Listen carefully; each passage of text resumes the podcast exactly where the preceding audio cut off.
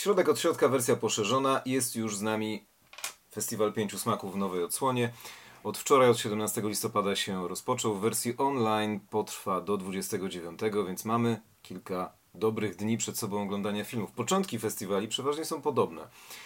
Kiedy można było chodzić do kina, podobnie się działo się z programem, czytając krótkie opisy, które czasami oczywiście mają ogromnie trudne zadanie przed sobą, żeby streścić fabułę bardzo rozbudowanych akcji w taką pigułkę zachęcającą do ich obejrzenia. Początki bywają trudne, bo strzela się trochę w ciemno. Niektóre nazwiska coś mówią, większość przeważnie nie mówi nic. Czasem wybiera się po kraju, czasem po tematyce. No i można czasami strzelać nie w to miejsce, co trzeba. A y, z doświadczenia potwierdzam tylko, że te filmy, które czasem się odsuwa w czasie i zostawia na później, później okazują się często lepsze niż te oglądane w pierwszej kolejności. Trochę tak jest z tym, co widziałem przez pierwszy dzień, chociaż oczywiście warto w każdej postaci, bo to poszerza horyzonty. I, i broń Boże, nie ma tutaj e, żadnego komentarza na nie. Natomiast e, naszykowałem się, żeby rozpocząć tę opowieść od nowego filmu Dżanga i Mu, Wędrowcy na krawędzi. Widziałem, że jest w zestawieniu, więc to była taka pozycja, po którą sięgnąłbym w pierwszej kolejności. Chciałem to zrobić, ale okazało się, że moje oko nie zauważyło, że nie ma tam informacji dostęp online, bo ten film do internetu nie trafił. Jest dostępny tylko w normalnej dystrybucji kinowej. Podczas festiwalu dwie projekcje, jeżeli dobrze pamiętam, więc to na razie odpada. Na pierwszy ogień e, poszła żona szpiega Kiyoshiego Kurosawy. Tematyka podobna do tego, co chciałem zobaczyć u Django Mu. To jest ten sam mniej więcej czas lat 30., lat 40. Żona szpiega rozpoczyna się w roku 1940, trwa przez 5 lat, ale później następuje błyskawiczny pod koniec e, filmu wraz z rozwojem wojny skrót myślowy, więc cała akcja jest w roku 40 na chwilę przed dołączeniem Japonii do wojny i wypowiedzeniem jej Stanom Zjednoczonym i tej całej sekwencji, oczywiście tej naszej wojny, bo wojna dla Japonii trwała już wcześniej w Chinach. To film o tym, o czym opowiadamy przez wiele ostatnich odcinków. Militaryzm narasta. Były dzienniki literatów spisywane przez, skompilowane przez Donalda Kina. Też ostatnio u nas na tapecie nawet e, animacja z Netflixa o, o tym, jak wygląda życie normalnych ludzi podczas wojny w kraju, który tę wojnę rozpoczyna. No i żona szpiega też jest o życiu, może nie zwykłych ludzi, bo tutaj już jest ta klasa, która ma lepiej. To jest przedsiębiorca handlujący jedwabiem, jego żona, oboje ubierający się na sposób zachodni, ale w momencie, kiedy Japonia wchodzi do wojny, rozpoczyna wojnę i yy, stara się kultywować wszystko w duchu patriotyzmu, to nawet zachodnie ubrania, zagraniczne whisky stają się i kontakty z cudzoziemcami jako kontrahentami handlowymi z ludźmi zachodu stają się podejrzane. Gdzieś jest szpieg, ale nie wiadomo gdzie. Jest troje znajomych z dzieciństwa, dwóch panów i kobieta. Para idzie w stronę zachodu, natomiast e, ten drugi mężczyzna, kiedyś młody chłopak, e, dołącza do żandarmerii wojskowej i zaczyna tropić szpiega, podejrzewając, że niestety jest on gdzieś wśród jego dawnych znajomych. Akcja się zagęszcza, jest jest odrobinę napięcia, ale film nie porywa. Nie, że go nie polecam, bo dobrze zobaczyć, jak to wygląda. Nawet scena, kiedy po ulicy miasta idzie oddział żołnierzy, przed którym wszyscy na ulicy wiwatują Banzai, Banzai, czyli niech żyje nieskończenie wiele, 10 tysięcy lat, niech po prostu ta chwała armii trwa, ale główny bohater odwrócony plecami do tej maszerującej kolumny, kiedy wszyscy patrzą i wiwatują, odwrócony plecami do tej kolumny, niby opiera się o lampę i to jest bardzo ciekawa, charakterystyczna scena, która pokazuje, charakterystyczna dla tego filmu, który jest przykładem, że można było myśleć inaczej, że nie wszyscy szli w ten sam korytarz wojny. Bo oto główny bohater pod przykrywką, który oczywiście jest szpiegiem i jego żona jest żoną szpiega siłą rzeczy, mimo że on mówi, że nie, bo nie jest szpiegiem, tylko osobą, która chce lepiej patriotą. Cały kraj idzie na wojnę w duchu patriotyzmu, ale to oto ten, który zyskuje łatkę szpiega, twierdzi, że on szpiegiem nie jest, bo to tamci zwariowali, a nie on. Czyli wszyscy jadą autostradą pod prąd, a nie on jeden, który podąża w przeciwnym kierunku. Dlatego, że e, mogąc być w Mandżurii, widział okropieństwa eksperymentów na ludziach prowadzone przez e, oddział Armii Kwantuńskiej, tam stacjonującej, czyli tej, która pierwotnie ochraniała kolej mandżurską. Nagrał to, spisał dla niego ktoś e, całe zeznania o tym, jak szerzono epidemię dżumy, żeby sprawdzić na przypadkowych ludziach, żeby sprawdzić skutki takiej broni biologicznej. Przetłumaczył na japoński podręcznik na angielski i chciał z tym jechać do Stanów Zjednoczonych, żeby pokazać, że Japonia wcale nie jest taka dobra. I żeby szybko nastała wojna, kraj żeby przegrał i żeby to wszystko wróciło do normy. Żona pierwotnie ma obiekcje. Nie rozumie, dlaczego można działać na szkodę własnego kraju. Kiedy widzi film, rozumie o co chodzi, już rozumie postawę męża i sama zaczyna działać z nim. Kończy się smutno, trochę nie wiadomo jak, ale kraj jest w zgliszczach. Ona po okresie więzienia wychodzi po bombardowaniu Tokio, 45 rok przed nią jest morze ruin. Japonia rzeczywiście przegrała. Tylko chyba trochę nie o to chodziło, ani jednej stronie, ani drugiej. To Kiyoshi Kurosawa, e, reżyser zasłużony i znany, i żona szpiega. Następnie chciałem iść tropem japońskim, widząc nazwisko kolejnego reżysera, którego pamiętam jeszcze ze studiów Shinji Iwai. Kiedyś było La Raboreta, czyli Loveleta, między innymi jeden z jego filmów znanych sprzed 20 lat, a teraz bardzo śmieszny tytuł, 12-dniowa opowieść o potworze, który umarł w dniu ósmym. Yoka de Shinda Kaiju no Juni Nichi no Monogatari. Ten tytuł dokładnie to samo znaczy. Yoka, dzień ósmy. E, Yoka de Shinda. Shinda umarł. W dniu ósmym umarł. I dalej. Kaiju, potwór, który umarł w dniu ósmym. No, o nim będzie to wszystko, co za chwilę. Juni Nichi, dwunastodniowa.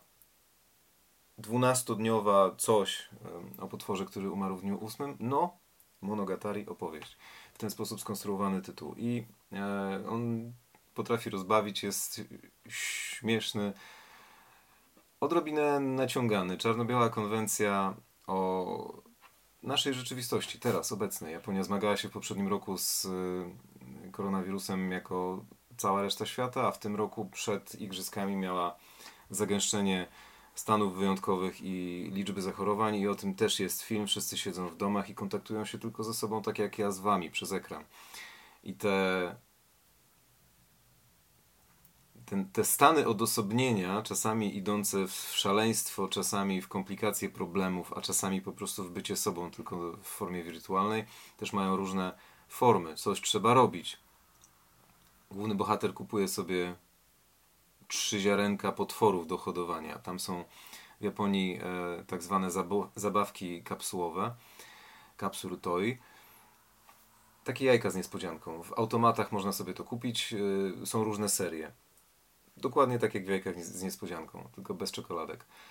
I y, kupuje się samą zabawkę, losowo wybraną. On sobie sprowadza przez internet, żeby coś robić, takiego potwora do wyhodowania. Wystarczy polać wodą i to coś z tego wyjdzie. Widzi w internecie, że jedna blogerka, która nagrywa cały czas w wannie, ma takiego jednego małego i z takiego małego robi jej się szybko duży. On też chce. Ale jemu się taki duży nie robi.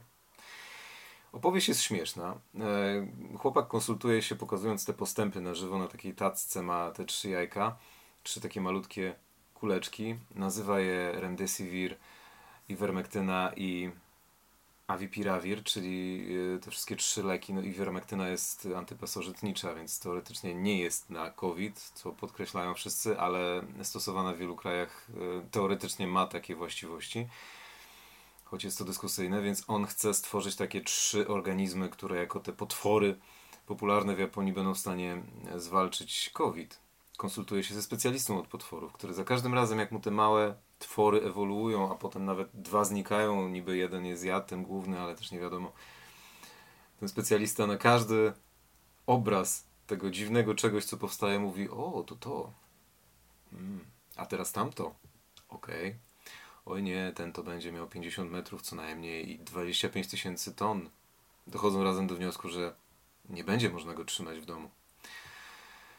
No, śmieszne jest to momentami, naprawdę potrafi rozbawić. Jeden z kolegów jest w Tajlandii i ma problemy, więc ten główny bohater od potworów wysyła mu paczki i ponieważ tamten jest jego sympajem, czyli starszym kolegą i dużo mu pomógł na studiach, no to ta relacja kwitnie także w formie zdalnej, piją sobie piwo, nawet stukając się tak wirtualnie w ekran, czasami nie mogąc się napić, świętować na żywo. Jest też dziewczyna, która jak rozumiem jest młodszą siostrą bohatera, która trochę nie radzi sobie z tym. Twierdzi, że takie szaleństwo minimalnie postępuje troszkę. Ona sobie twierdzi, że kupiła kosmitę, którego nie widać, tak jak tamten kupił potwory.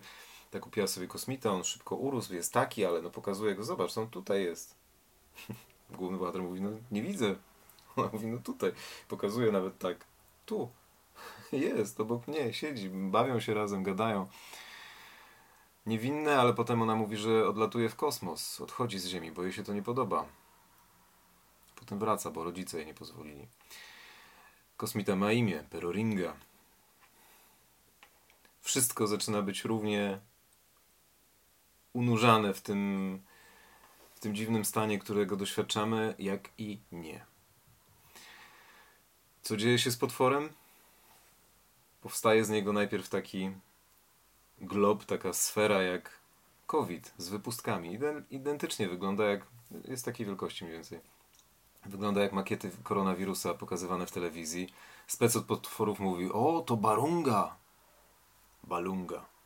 RL, oboczność w japońskim jest powszechna. Więc balunga, barunga.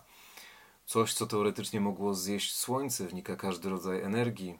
Kto wie, czy nasze słońce na niebie przypadkiem nie jest tym balungą? I czy tak nie wygląda? Ale potem ta balunga zamienia się w taką niby małą maskę, jak Tengu, taką wielkości nosa. Bohater ją sobie nasadza na nos. Trochę wygląda jak maska aniołów z Ewangeliona, z y, anime też znanego, taka charakterystyczna maska, tylko z tym takim nosem, którego anioły nie miały. Bohater nakłada ją na nos, potem nie może zdjąć. Już zastanawiamy się, czy to za chwilę się nie przemieni w horror, ale okazuje się, że nie, bo ten potwór, który nie wiadomo w co ewoluuje, zmieniając się co chwila i cały czas będąc taki malutki, czasem niby lata po mieście. Jest taka seria trzęsących się ujęć, przeplatanych ujęciami tancerek ubranych w maski, czasem maski, czasem takie całe na twarz, trochę buto, trochę taniec nowoczesny, czy japoński taniec buto głównie taniec nowoczesny, one tańczą niby będąc tymi potworami, niby chcąc coś zrobić, lata potem ta sfera taka po, ten koronawirus taki po, po mieście, po Tokio, pod estakadami. A później bohater budzi się z, z tym, co mu wyewoluowało z tej maski na nosie, z taką mini maseczką, która jest takiej wielkości. Jak maska z jajka niespodzianka, z plasteliny. I dochodzi do niego, że może te potwory chciały wszystkich obronić. I szukają jeszcze odpowiedniej formy. A kosmita, który poleciał sam, no bo dziewczynie nie pozwolili rodzice, zostawia w prezencie dla wszystkich coś, czego nie potrafi dziewczyna przeczytać najpierw. Koronawirusu vaccine. Koronawirus vaccine. Widać to potem na kartce. Szczepionkę na koronawirusa chyba będzie dobrze. No to taka bardzo ciekawa z jednej strony, trochę naiwna, ale można się pośmiać. E, propozycja z Japonii, opowieść, dwunastodniowa opowieść o potworze, który umarł w dniu ósmym. No i wreszcie, na koniec, to do czego zmierzamy. Koreański film, po tych dwóch japońskich sięgnąłem po koreańską rzecz i jest nie na tym świecie. Pak Jun-pom. Reżyser gra główną rolę w tym filmie, który jest nie dla wszystkich z pewnością. Koreańskie kino jest bardzo brutalne. Trudno znaleźć azjatycki film, który nie sięga prędzej czy później po brutalność. Oczywiście, no nie wszystkie, nie zawsze, ale ta wrażliwość jest na trochę innym poziomie. E, tutaj o młodzieży, w gangach, wynaturzeniach, więc siłą rzeczy na brutalność jest miejsce. Koreański, e, koreański film, więc tej brutalności jest jeszcze więcej niż nawet w filmach o Jakuzie japońskich. Dostajemy, no i znowu, zaszeregowanie. W poprzednim roku była sekcja Parasite. Na fali Oscara dla filmu o tym tytule o nierównościach społecznych. Teraz mamy Squid Game. E, jako ten symbol nie dość, że koreańskiego sukcesu serialowego, to jeszcze właśnie przykładu tego, że tam jest źle ludziom, że no oczywiście też o tym mówiliśmy, że można wpaść w takie długi, z których się człowiek nie wygrzebie. Kapitalizm jest zły, w skrócie.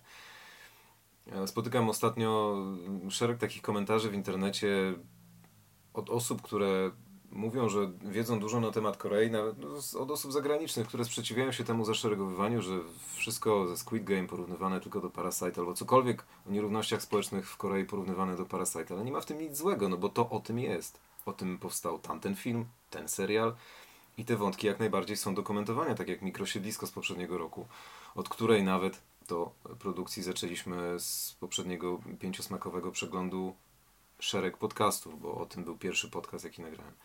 Natomiast nie na tym świecie. Park Bom. Opowieść o niedopasowaniu. Dziewczyna chce śpiewać, ale musi robić pracę manualną na jakichś metalowych elementach, na tokarkach, frezarkach i czymś tam zgniatarkach w mini fabryce ojca. Koszty rosną, e, pensja za takie zamówienia maleje, dziewczyna jest nie na miejscu, rodzina jej nie rozumie, wyrzuca z domu.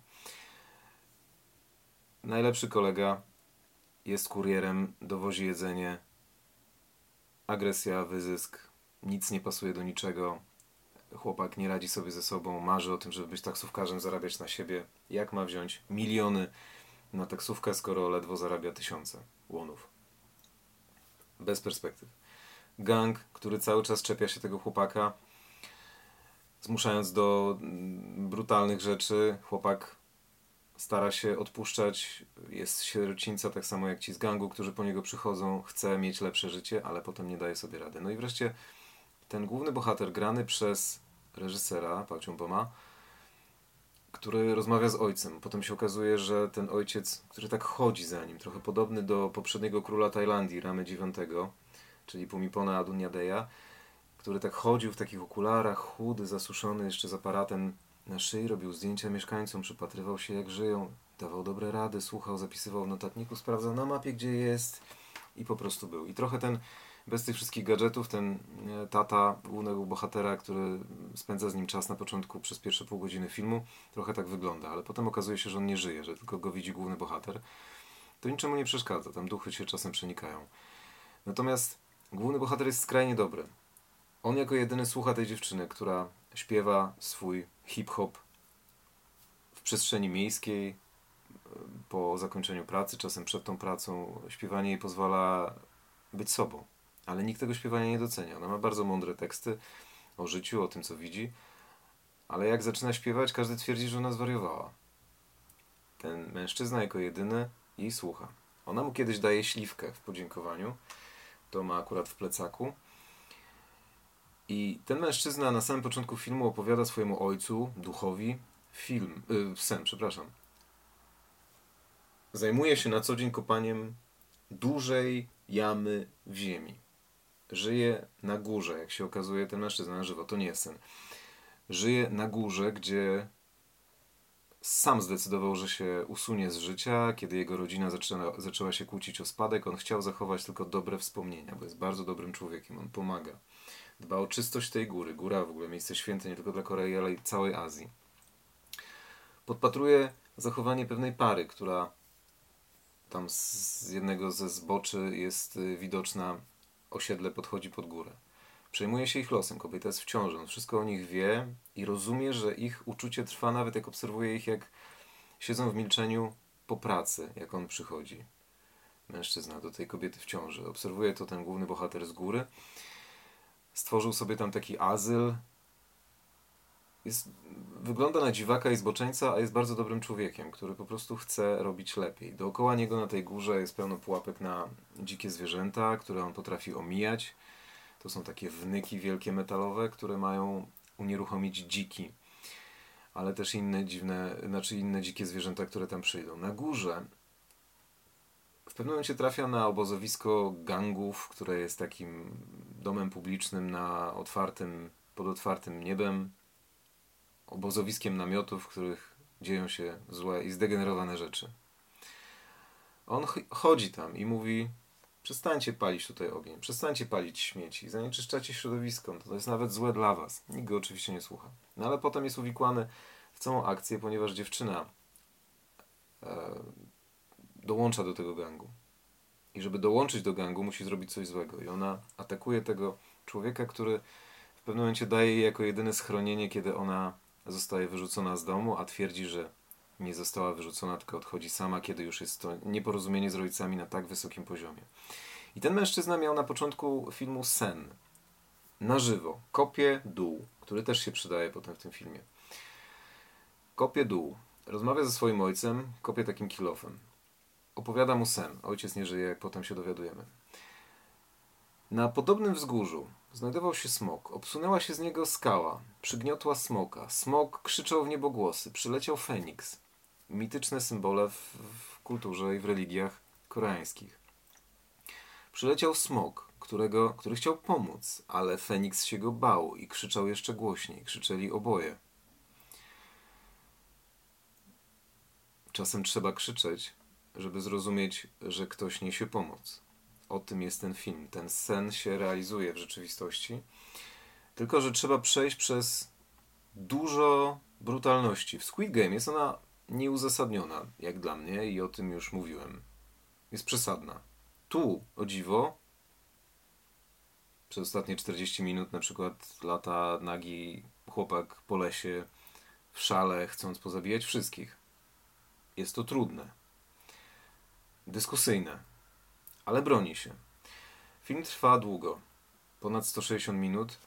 Ostatnia scena jest na napisach końcowych i trwa do ostatniej sekundy, więc te 166 minut dokładnie trzeba wytrzymać. 2 godziny 46 minut. A ostatnie 40 minut, kiedy już normalny film by się skończył, dwugodzinny, to ta sekwencja 40-minutowej pogoni po lesie. Pogoni, która nawet nie jest pogonią. Jest częściowo ucieczką, chęcią pomocy. Skomplikowane. Jest to ciekawa rzecz, bo ten cały kapitalizm, w skrócie omawiany przez Parasite i spółkę i Squid Game, prowadzi też i do tego. Wynaturzenie wynaturzeniem, ale, ale to prowadzi do tego. I niezrozumienie prowadzi do agresji. I dobra dziewczyna, która nie chce nic złego, staje się jeszcze gorsza niż inni. Nikt jej nie pomaga. Nie ma tego momentu, hej, stop, dobra, już, już starczy, już rozumiemy. Pomożemy ci, dobrze, przestań. Tak chce zrobić ten główny bohater. Też musi się wiele nacierpieć. Ojciec z zagrobu, który cały czas jest obecny, mówi mu wytrzymaj. Niestety. Ale to tylko krew.